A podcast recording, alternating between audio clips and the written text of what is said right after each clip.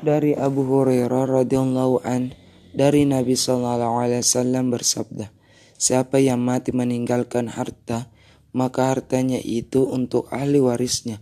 Dan siapa yang yang meninggalkan keluarga yang miskin maka menjadi tanggungan kami.